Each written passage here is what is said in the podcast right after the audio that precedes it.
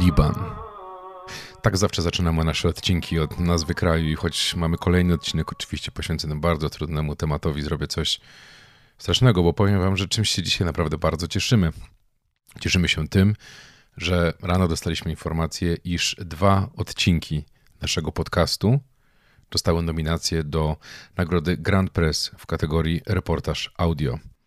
Te odcinki to Puszcza, przygotowana przez Justynę Godz, Agnieszkę Szwajgier oraz Ewą Dunal, a także Czas okupacji, nad którym miałem przyjemność pracować wspólnie z Ewą Dunal. Także ja powiem szczerze, no od rana schodzę bardzo uśmiechnięty z wielu powodów.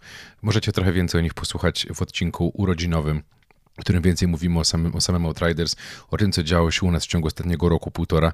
Rzadko były to dobre rzeczy. Trochę mieliśmy różnych problemów. Udało się to wszystko naprostować i dziś tu jesteśmy. Podcast to nasze najmłodsze dziecko i naprawdę bardzo się z tego cieszą. Cieszą się z tego, że to już taką pierwszą jaskółkę mieliśmy, kiedy na gali podcastu roku dostaliśmy specjalne wyróżnienie za te odcinki poświęcone Ukrainie. Ja się znowu strasznie rozgadałem. Zobaczymy, czy Justyna to wytnie, czy nie, czy skróci.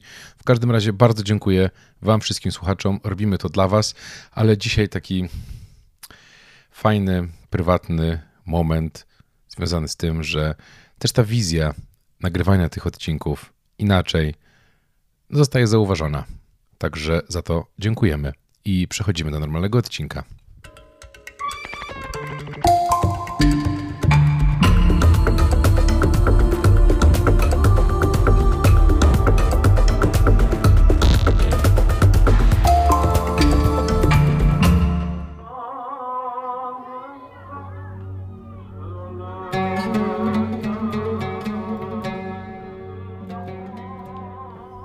Liban przeżywa pierwszą epidemię cholery od 30 lat. Pierwszy przypadek od 1993 roku został zarejestrowany 6 października bieżącego roku w Akkarze na północy kraju. Choroba szybko rozprzestrzeniła się po całym Libanie. Tym odcinku Outriders Podcast reporter na miejscu w Libanie Ali Sheikh udał się do Doliny Beka, 30 km na wschód od Beirutu, aby odwiedzić obóz dla uchodźców, w którym były przypadki cholery. Spotkał się z lekarzami pracującymi na pierwszej linii kryzysu i niektórymi dotkniętymi chorobą rodzinami. Cholera to niezwykle zaraźliwa choroba spowodowana spożyciem żywności lub wody zanieczyszczonej bakteriami. Jest stosunkowo łatwa do leczenia za pomocą nawodnienia i antybiotyków. U większości zakażonych osób nie rozwijają się żadne objawy. Cholera, jeżeli nie jest leczona, może jednak powodować niekontrolowaną biegunkę i wymioty, które prowadzą do śmierci w ciągu kilku godzin od odwodnienia. Głównym problemem jest brak wody i urządzeń sanitarnych w danym kraju. Blisko 30 państw na świecie dotkniętych epidemią cholery walczy z tym samym problemem – Wszystkim im brak jest odpowiednich struktur wodnych i sanitarnych.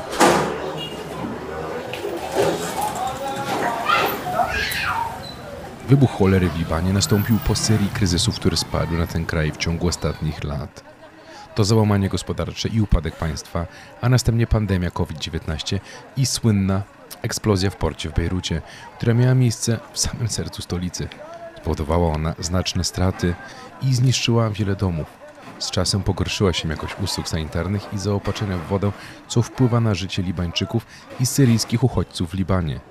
Według danych libańskiego Ministerstwa Zdrowia z niedzieli 4 grudnia potwierdzono już oficjalnie 652 przypadki zachorowań oraz 20 zgonów. Jako organizacja medyczna naszą rolą jest być przygotowany na najgorsze, powiedział nam szef misji Lekarzy Bez Granic w Libanie Marcelo Fernandez. Zapytaliśmy go o powody obecności cholery w Libanie. Ludzie pewnie się zastanawiają, dlaczego epidemia wybuchła teraz. Przez ostatnie 30 lat w Libanie nie było cholery. Because uh, Lebanon uh, was considered as uh, Middle East. Liban przez wiele lat był uważany za Szwajcarię Bliskiego Wschodu. Jednak w ciągu ostatnich trzech lat kraj stanął w obliczu ekstremalnych kryzysów gospodarczych i politycznych, które wpływają na wszystkie jego struktury i służby. Tak dzieje się również z wodociągami i urządzeniami sanitarnymi. Tu nie ma wyjątku. Tak duży jest ten głęboki kryzys gospodarczy, który dotyka kraj od 2019 roku. Jak lekarze bez granic pracują z ludźmi najbardziej potrzebującymi pomocy? Na czym polega najpilniejsza praca, jaką wykonujecie? Teraz lekarze bez granic są obecni w różnych częściach kraju. Od kilku lat głównym powodem pracy w Libanie był kryzys uchodźczy wywołany wojną w Syrii. Od trzech lat dostosowujemy się do leczenia nie tylko uchodźców, lecz także ludności libańskiej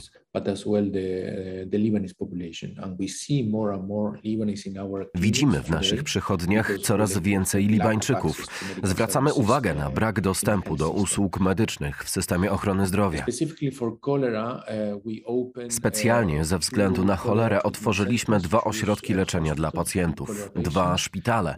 Promujemy również kwestie zdrowotne. Edukujemy w temacie dostępu do wody odpowiedniej jakości, sposobów oczyszczania jej oraz żywności. To bardzo ważne. To edukacja zdrowotna. Od dwóch tygodni jesteśmy zaangażowani w akcję szczepień. Liban otrzymał 600 tysięcy dawek szczepionki przeciwko cholerze. Lekarze bez granic wspierają lokalne władze w szczepieniach na obszarach bardzo wysokiego ryzyka, gdzie cholera jest szczególnie obecna. Uh, Zasadniczo wykonujemy te szczepienia jako profilaktykę. Uh, Ponadto leczymy pacjentów i zajmujemy się ogromem zadań z zakresu edukacji zdrowotnej społeczności. Jak działa szczepionka? Czy to jedna dawka, czy dzięki niej możemy powiedzieć, że ludzie są naprawdę bezpieczni? Look, uh, that's to bardzo dobre pytanie, ponieważ na całym świecie brakuje szczepionek na cholerę. Zwykle musimy zastosować uh, dwie dawki. Teraz z powodu światowego niedoboru szczepionek zamierzamy podawać tylko jedną dawkę, co zapewni ludziom ochronę przez powiedzmy trzy miesiące. To czas potrzebny, aby uporać się przynajmniej z pierwszą fazą epidemii. W tej chwili Liban, podobnie jak większość innych krajów, stosuje tylko jedną dawkę. W zasadzie potrzebujemy jednak dwóch dawek szczepionki. Dlaczego cholera jest tak niebezpieczna? Większość pacjentów ma łagodne objawy. Z reguły tylko biegunkę, a nie poważne odwodnienie. Głównym problemem jest ten mały odsetek pacjentów, u których występuje ostra, wodnista biegunka z silnym odwodnieniem. Oni wymagają opieki szpitalnej. W szpitalu otrzymują płyny. I to jest główny cel opieki medycznej zająć się tym niewielkim odsetkiem pacjentów z ciężkim odwodnieniem. Oni mogą umrzeć, jeśli nie otrzymają odpowiedniej pomocy medycznej.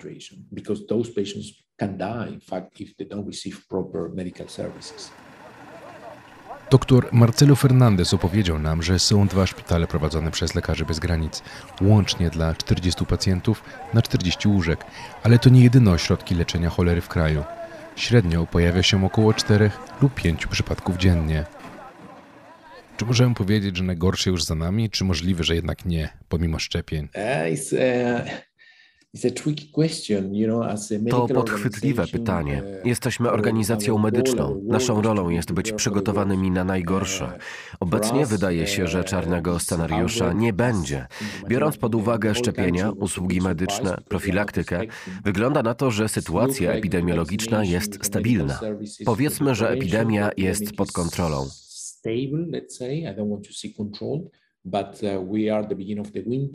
Tyle, że jesteśmy na początku zimy i nadchodzi pora deszczowa, a latem, kiedy znów zabraknie wody, odpowiedniej wody, musimy być przygotowani na najgorszy scenariusz.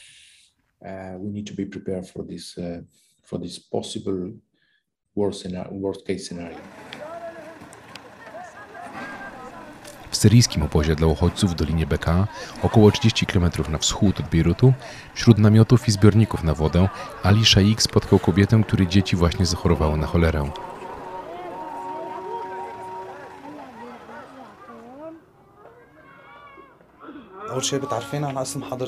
Jak masz na imię? Jak długo jesteś w Libanie? Skąd pochodzisz? Jestem Sana Klejf i jestem z syryjskiego Idlibu, ze wschodniej części Idlibu. Do Libanu przyjechałam 9 lat temu. W jakich warunkach żyjesz? Ogólnie nasze warunki życiowe są takie same jak wszystkich tutaj, poniżej średniej, prawie żadne. Najważniejsze, że żyjemy.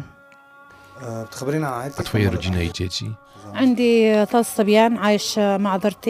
Mam trzech synów i mieszkam z drugą żoną mojego męża. Ona ma trzy córki i syna. Mieszkamy razem, jesteśmy w dobrych stosunkach. Czy ktoś z waszej rodziny miał wcześniej cholerę? Dwoje moich dzieci i córka mojego męża miały ostrą biegunkę. Mój syn miał ostrą, krwistą biegunkę. Przez pierwsze dwa dni byłam przestraszona. Zabrałam go do doktora. Przepisał leki przeciwzapalne i słoną wodę. Na szczęście mój syn wyzdrowiał, nie odwodnił się i nie wymiotował. To była zwykła biegunka. يعني ما السهل ما أدى للجفاف أو الاستفراغ يعني السهل طبيعي آه، منين بتجيبوا Skąd المي bierzecie الشرب؟ teraz wodę pitną? مية الشرب بتأمن لها إياها لجنة يقولوا لها القطرية Wodę dostarcza nam katarska organizacja pozarządowa dwa razy w tygodniu. في شيء تغيرات صارت معكم آخر Czy przez فترة ostatnie من trzy هيدا lata الأزمة kryzysu بلبنان coś się بشكل zmieniło? عام؟ والله من وقت الكورونا عندنا أزمات عندنا أزمات متقلبة od wybuchu pandemii koronawirusa przeszliśmy wiele kryzysów. Obawiamy się wielu chorób, bo nasze warunki życia i zakwaterowanie tutaj przy tym rowie to choroba sama w sobie. O co chodzi z pobliskim w obozie rowem?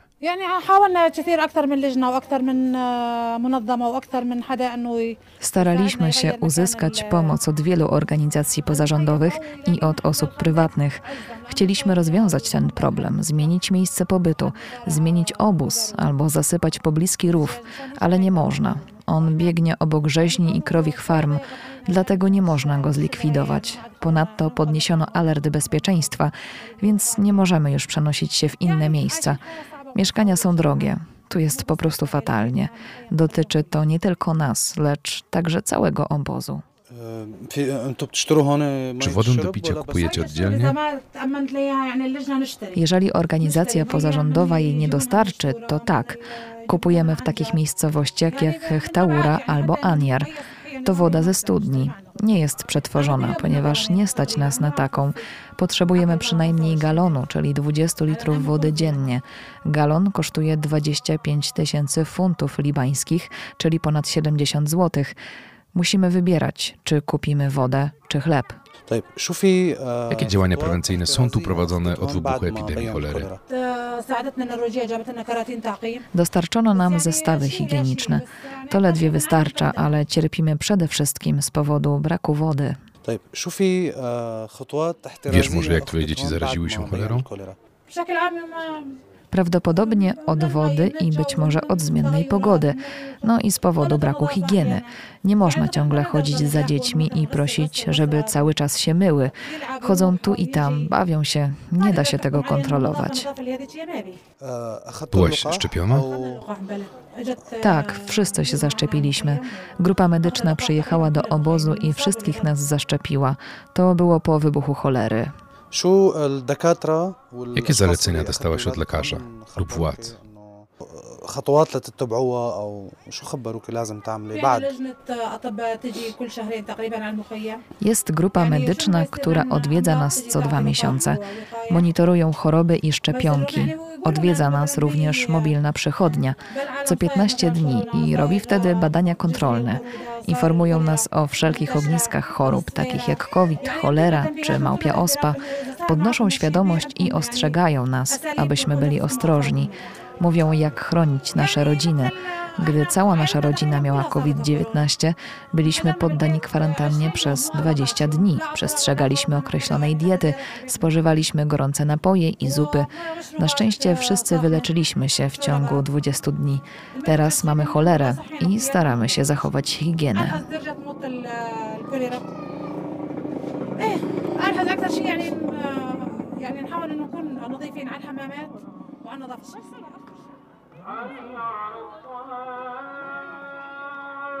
jedną z organizacji pozarządowych, która pracuje na pierwszej linii kryzysu i świadczy usługi medyczne zmarginalizowanym społecznościom, które cierpią z powodu braku podstawowych potrzeb, jest Endless Medical Advantage. Dr Feras Al-Gadman jest mieszkającym w Libanie syryjskim lekarzem oraz współzałożycielem i dyrektorem medycznym tej organizacji pozarządowej. Początkowo, gdy przyjechał do Libanu 9 lat temu z Syrii, sam próbował znaleźć pracę. W okolicy nie było pracy w zawodzie w tamtych czasach. Po początkowej aktywności przy warzywach i owocach trafił do lokalnej organizacji pozarządowej jako ochotnik medyczny. Z czasem zauważył duże potrzeby tutejszych ludzi, ich sytuacje i ciężkie warunki życiowe. Finalnie otworzył przychodnię w jednym z namiotów, przyjmował pacjentów i udzielał porad medycznych. Jak wygląda Twoja codzienna praca w Endless Medical Advantage? Uh, Endless Medical Advantage is medical local NGO. To lokalna organizacja pozarządowa. Zapewniamy podstawową opiekę zdrowotną osobom w obozach i miejscowej społeczności wokół obozów. Mamy mobilne przychodnie, lekarzy oraz międzynarodowych wolontariuszy. Przyjmujemy pacjentów, dajemy im leki, oferujemy konsultacje. To, czego potrzebują. Za pośrednictwem naszej sieci współpracujemy również z inną organizacją pozarządową. Uh, to Możemy skierować pacjentów do innej organizacji pozarządowej, do szpitali i specjalistów, w zależności od potrzeb. Zapewniamy leczenie stomatologiczne i fizjoterapię, a nawet ulgi czynszowe dla rodzin, które mają duże potrzeby i nie dają sobie rady. provide anything. Uh, our team go Nasz zespół jeździ codziennie do jednego z obozów. Nasza przychodnia się tam zatrzymuje. Wtedy pacjenci do nas przychodzą. Lekarz przyjmuje pacjenta, a my zgłaszamy chorobę zakaźną Wysokiemu Komisarzowi Narodów Zjednoczonych do spraw uchodźców i Ministerstwu Zdrowia. Przyjmujemy wszystkich pacjentów, zapewniamy im takie leczenie, jakie mamy. W ostatnim miesiącu zaczęliśmy przyjmować pacjentów z podejrzeniem cholery. Zgłaszaliśmy te przypadki Wysokiemu Komisarzowi Narodów Zjednoczonych do spraw uchodźców i zaczęliśmy leczyć chorych według dostępnych protokołów. Leczymy ich, zbieramy dane i monitorujemy. Sprawdzamy, jak rozwija się sytuacja. Ponadto od dwóch tygodni mamy spotkania z Wysokim Komisarzem Narodów Zjednoczonych do spraw uchodźców. Dzięki temu jesteśmy w zespole szybkiego reagowania. Pobieramy próbki kału od podejrzanych pacjentów i wysyłamy je do laboratorium po to, aby skierować chorego do szpitala.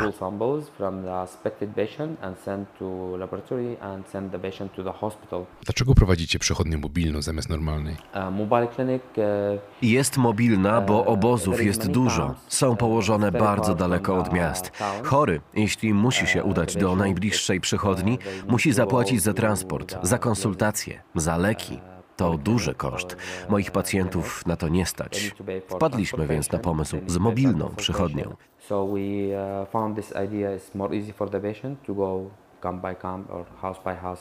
Pacjentowi jest łatwiej, gdy odwiedzamy obóz po obozie, dom po domu, czasem namiot po namiocie i możemy mu w ten sposób pomóc. Możemy się z nim spotykać co 10 dni i sprawdzać jego sytuację. Pacjenci mają numery naszych telefonów i w razie nagłego wypadku mogą zadzwonić. A jakie są najpilniejsze potrzeby?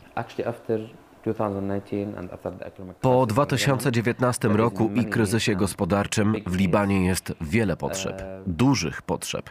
Tu potrzebne jest wszystko: edukacja, pożywienie, woda, środki czystości, sektor zdrowotny.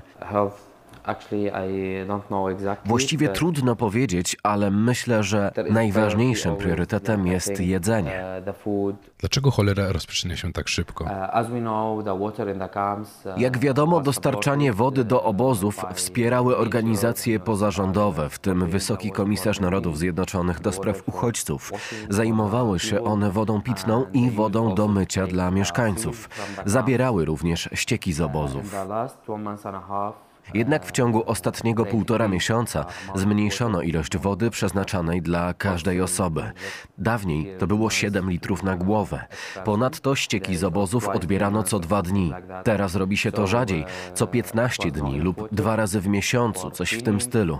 Nie było wystarczającej ilości wody do mycia, a ścieki płynęły między namiotami, bo ich nie zbierano. I think this one of the Myślę, że to jeden z głównych powodów, dla których cholera rozprzestrzeniła się bardzo szybko. Ponadto większość obozów leży blisko rzeki Litani. Wiemy, że jest ona bardzo zanieczyszczona. Większość ścieków z tego obszaru trafia do rzeki, a obóz położony jest wzdłuż jej brzegów. Myślę, że to także jest ważny powód. Kolejna rzecz, wielu rolników czerpie wodę z tej rzeki i podlewa nią swoje rośliny oraz używa jej w gospodarstwach. Uh, the other thing, the vegetables, which uh, there is many farmers uh, taking the water from this river and they uh, water their their plants uh, and their farms. Spróbujmy to przybliżyć. Mówimy o ścieżkach w obozach. Twierdzisz, że w zasadzie nie ma żadnego systemu kanalizacji, są po prostu dziury, do których spływają ścieki. Je zaś potem zabierają ciężarówki? The situation because the for each tent there is a tank Sytuacja wygląda następująco. Obok każdego namiotu jest zbiornik lub dziura w ziemi, do których odprowadzane są ścieki. Wysoki komisarz Narodów Zjednoczonych do spraw uchodźców płacił za ciężarówki, które jeździły i odbierały ścieki co dwa dni. Wspierał ten system. Jednak miesiąc przed wybuchem epidemii cholery to wszystko się skończyło. Ścieki zaczęto wywozić tylko dwa razy w miesiącu. To za mało. Zbiorniki zaczęły się przelewać, a ścieki płynąć w kierunku ludzi i namiotów.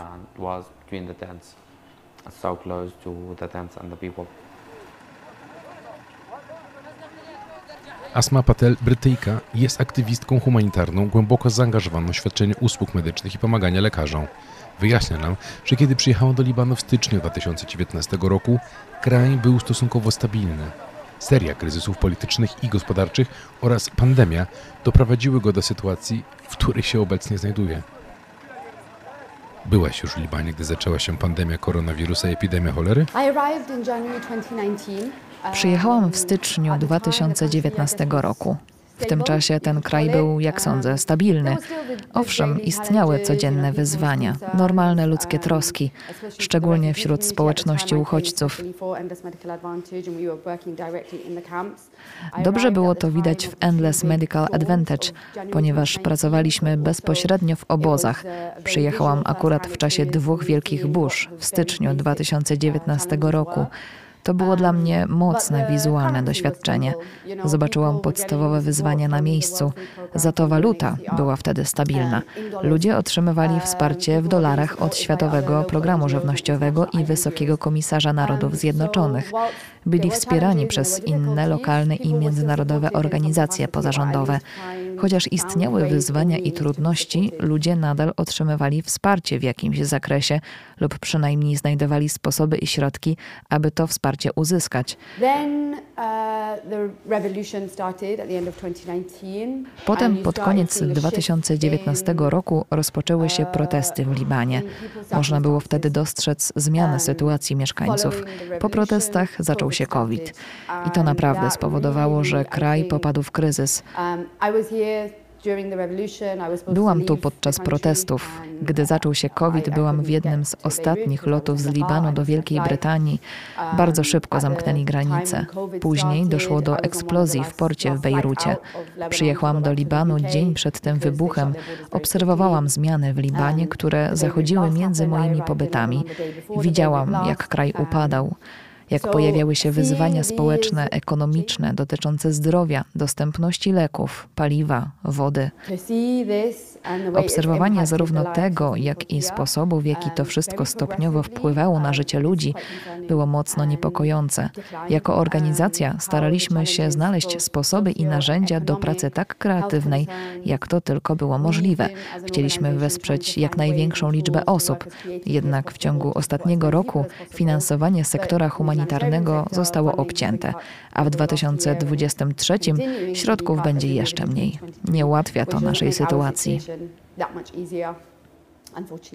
Teraz macie dodatkowe obciążenia w postaci, no właśnie, cholery. Jak sobie z tym wszystkim poradziliście jako organizacja pozarządowa, z cięciami budżetowymi, z tymi wszystkimi katastrofami? Uh, Zdecydowaliśmy się na dwie mobilne jednostki, jedną małą i jedną dużą. Postanowiliśmy, że jeśli epidemia cholery rozwinie się dość szybko, tak jak w przypadku COVID-u, to podzielimy nasz zespół na dwie części. Pierwsza zarządzałaby naszymi zwyczajnymi mobilnymi działaniami w ramach przychodni, a druga zajmowałaby się walką z cholerą. Jesteśmy mobilni i pracujemy w dość elastyczny sposób, możemy więc być elastyczni w naszym podejściu. Robiliśmy tak wiele razy w Libanie w sytuacjach kryzysowych. Podczas wichur, pandemii COVID, po eksplozji w Bejrucie, zespół wspierał poszkodowanych mobilną przychodnią. Myślę, że elastyczność jest tym, co w sposobie pracy czyni nas wyjątkowymi. Zauważyliśmy, że cholera nie jest tak dotkliwa. Nie widzimy wielu przypadków, tylko małe skupiska. Są one do opanowania i wyleczenia przez naszych lekarzy. Mamy własny plan reagowania, jeśli zajdzie taka potrzeba. Na razie nie musimy z niego korzystać. Jak już wspomniałam, współpracujemy również z Wysokim Komisarzem Narodów Zjednoczonych i będziemy jednym z jego zespołów szybkiego reagowania. Ta współpraca nie została jeszcze uruchomiona. Próbujemy więc się dowiedzieć, jak to będzie wyglądało, jeżeli cholera zacznie się rozprzestrzeniać dużo szybciej, tak jak to obserwowaliśmy w Syrii. To może się wydarzyć i tutaj, i spodziewamy się tego. Myślę, że zareagujemy tak jak zawsze, kiedy zachodzi taka potrzeba i dodamy trochę kreatywności w naszej pracy. Niestety, zasoby są ograniczone.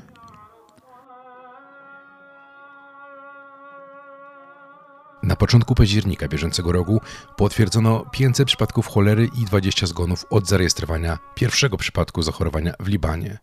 Rzeczywiste liczby mogą być znacznie wyższe, jak wyjaśnia nam dr Antony Nasr, dyrektor medyczny Libańskiego Czerwonego Krzyża. Czy znana jest liczba ludzi dotkniętych chorobą lub liczba osób, które straciły życie z powodu cholery? Oficjalna, potwierdzona liczba to około 650 chorych, trochę ponad, ale to nie są prawdziwe liczby. Wyjaśnię dlaczego.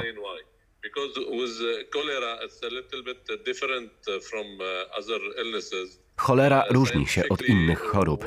Z naukowego punktu widzenia, wszędzie tam, gdzie występuje wysoka liczba przypadków cholery w regionie, nie trzeba jechać i przeprowadzać testów u każdej osoby, która ma objawy, takie jak ostra wodnista biegunka.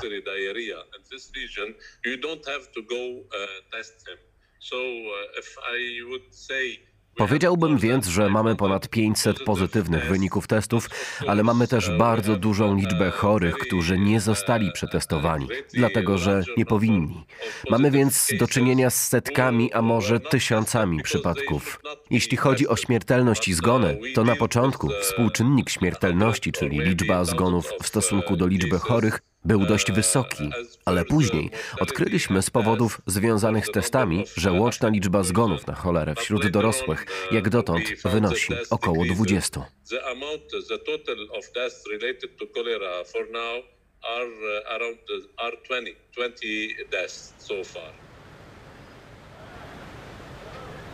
Czerwony Krzyż odpowiada na wyzwania związane z cholerą w kilku miejscach i na różne sposoby.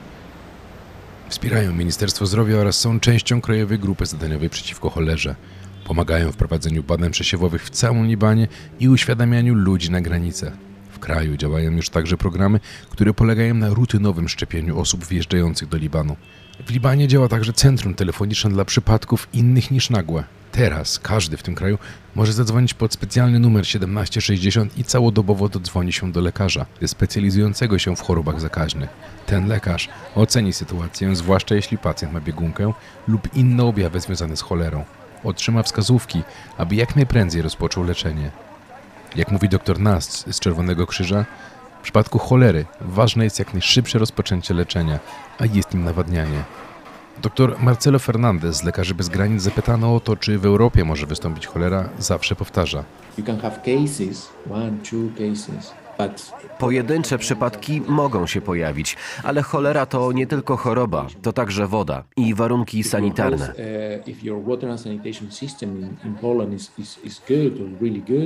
Jeśli wasz system wodociągów i oczyszczania w Polsce jest bardzo dobry, to możecie mieć jeden lub dwa przypadki zachorowań.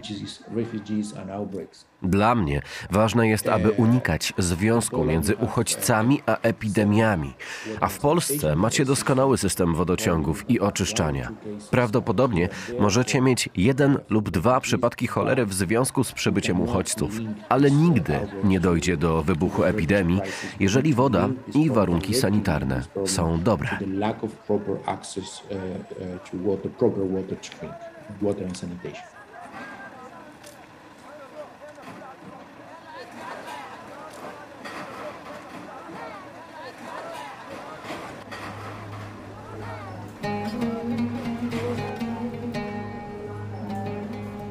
To był 48 odcinek Outriders Podcast.